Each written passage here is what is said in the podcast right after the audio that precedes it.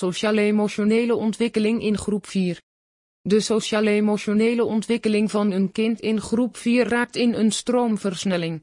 Het kleuteronderwijs ligt definitief achter dit kind, want er zit al een jaar leren in groep 3 op. Maar in groep 4 wordt ook al langzaam gekeken naar de midden- of zelfs bovenbouw. Dat vraagt veel van de kinderen. De sociaal-emotionele ontwikkeling is dus erg belangrijk. Als ouder wil je vast graag weten wat je kind allemaal mee gaat maken op dat vlak. Dit artikel vertelt het je allemaal tot in detail.